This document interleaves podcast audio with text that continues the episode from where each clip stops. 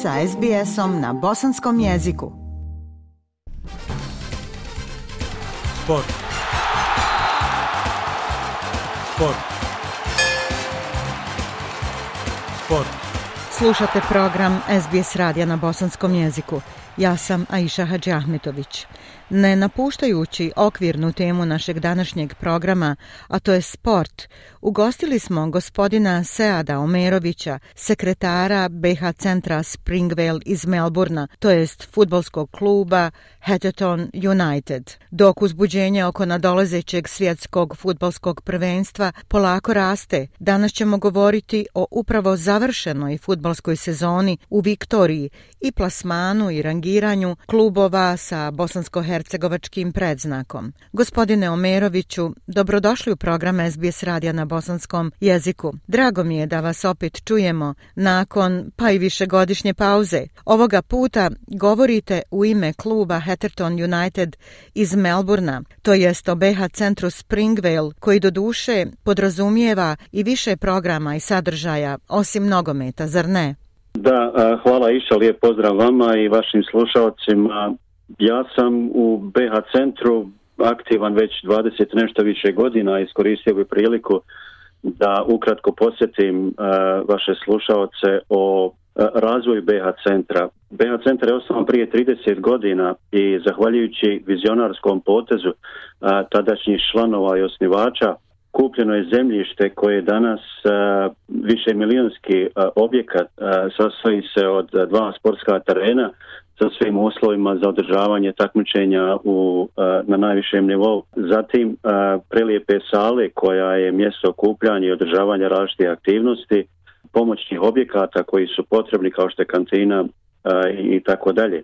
Dakle, mi smo zaista uspjeli da, ja to nekako kažem, sjeća iz pjesme Kemala Montena, zajedno smo rasle Tako da je razvoj bosansko-hercegovačke dijaspore u ovom dijelu Melburna ako ne i šire, nekako i mi smo se ovaj, razvijeli eh, zajedno sa BH centrom. Naravno, taj eh, razvoj nije bio moguć bez velikog doprinosa a, mnogobrojnih ljudi, ne samo članova, a, nego i šire bosansko zajednice i koristim ovu priliku da im se još jednom zahvalim Nažalost, neki od naših vrijednih članova nisu, nisu više među nama, ali njihov rad i njihov doprinos nije zaboravljen. Gospodine Omeroviću, recite nam nešto više o nedavno završenoj futbalskoj sezoni u Viktoriji. Možete li nam dati presjek rezultata ili presjek e, plasmana koji su ostvarili najveći bosanski klubovi BH Centar Springvale, Bosna Melbourne, Džerzelez i Kud Dandenong?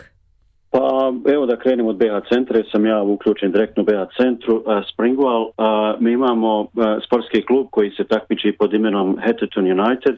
ove godine imali smo ukupno pet ekipa od, e, dječjih, e, mlađih juniora do, do odraslih ono što mogu reći da sezona je bila sa promjenjivim uspjehom smo završili. Moram priznati, iako nismo uradili detaljnu analizu, da smo imali loš početak. Došlo je do određenih poteškoća od samih priprema, od početka sezone, tako da imali smo čak tri trenera u ovoj sezoni. Trebalo je vremena da se ekipa stabilizuje i tek sredinom prvenstva smo ušli u pravu formu što je doprinilo da, da se ekipa stabilizuje, da ostvari solidne rezultate i uđe bez ikakvih problema u završnicu sezone.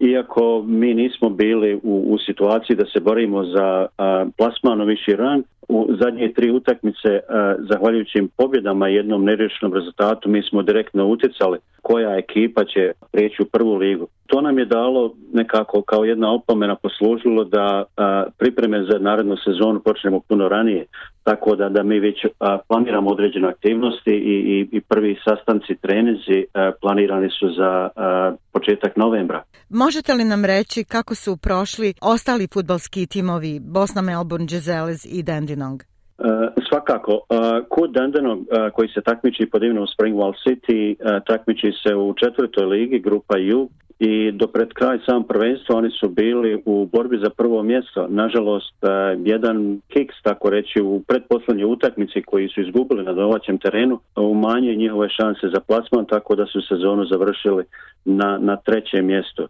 A, slična situacija je bila i sa Đerzelezom i oni su e, imali jedan sjajan niz od, od 6-7 e, pobjeda i, i bili su u zaista u tijesnoj trci za, za plasman uh, u, četvrtu ligu, već rang, nažalost, a, kiksali su jednu utakmicu i također su završili na trećem mjestu. što se tiče Bosne i Melbourne, koja je vjerovatno uh, svim vašim slušalcima poznato, a najstariji bosansko-hercegovački klub Viktori. Čini mi se da je došlo do smjene generacija i normalno do, bilo određenih poteškoća, ali ja vjerujem poznajući mnoge ljude koji su nekad bili uključeni, koji su sada u Bosni i Melbourne, da će Bosna Melbourne vratiti se na, da kažem, put i, mjesto koje zauzima. Dakle, to bi bilo Sezona je završena za, za prije dvije sedmice. Juniorske ekipe završavaju ove sedmice, tako da što se tiče sportskih takmičenja, manje više sezona za 2022. godinu je završena. Dakle, možemo zaključiti da je u ovoj sezoni BH centar Springvale ostvario najbolji plasman među bosanskim klubovima. Čestitamo vam na uspjehu, a čestitamo i drugim bosanskim klubovima na njihovom trudu i ostvarenim rezultatima. Vi ste u petak uveče imali i jedno specijalno veče u vašem centru. Možete li nam reći nešto više o tome? Radi se o e, trofejnoj večeri za e, djecu. E, roditelji koji su manje više vodili takmičenje za juniore izrazili su želju da organizuju jedno druženje samo, samo za djecu i za njihove roditelje I, zaista bila je fantastična atmosfera vidjeti najmlađi kako se raduju kako se vesele na projektoru u, toku sezone mi smo snimali par fotografija video snimaka tako da smo predstavili i prisjetili se zajedničkih trenutaka. Naravno sa djecom je uvijek interesantno i veselo raditi tako da još jednom imali smo priliku druženje, puno igre, puno pjesme tako da većina njih nestrpljivo očekuje početak nove takmičarske sezone.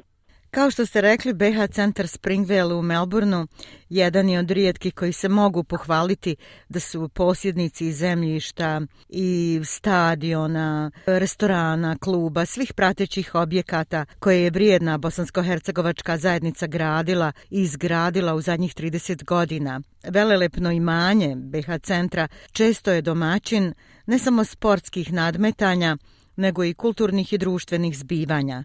Gospodine Omeroviću, možete li nam reći kakvi su planovi centra u narednom periodu? E, svakako, e, već naredne sedmice, dakle u, u subotu, e, mi organizujemo koncert gdje dolazi pjevač iz Bosne i Hercegovine, Semir Cerić Koke. Poslije toga termin u oktobri bukiran za nastup folklorne grupe koja je vrijedno vježbala u prostorima BH centra u zadnjih 3-4 mjeseca Godišnja skupština kluba tradicionalno održava se u oktobru, tako da smo već odredili datum, 16. oktobar je godišnja skupština kluba gdje bit će prilike da se razgovara o rezultatima, šta je moglo bolje urađen, da se uradi u, u prethodnoj godini i da se podnese izvještaj o radu i zatim e, da se izabere novi odbor. Poslije toga svakako je pripreme za obilježavanje Dana državnosti Bosne i Hercegovine, dakle koji je jedan tradicionalni, tradicionalna manifestacija u BH centru i obično traje dva dana od subotu na večer u, u nedjelju kada je cjelodnevni piknik. U novembru i decembru također planirana su dva koncerta gdje dolaze dva mlada i popularna pjevača iz Bosne i Hercegovine naravno tu je i obilježavanje nove godine pa početak nove sportske sezone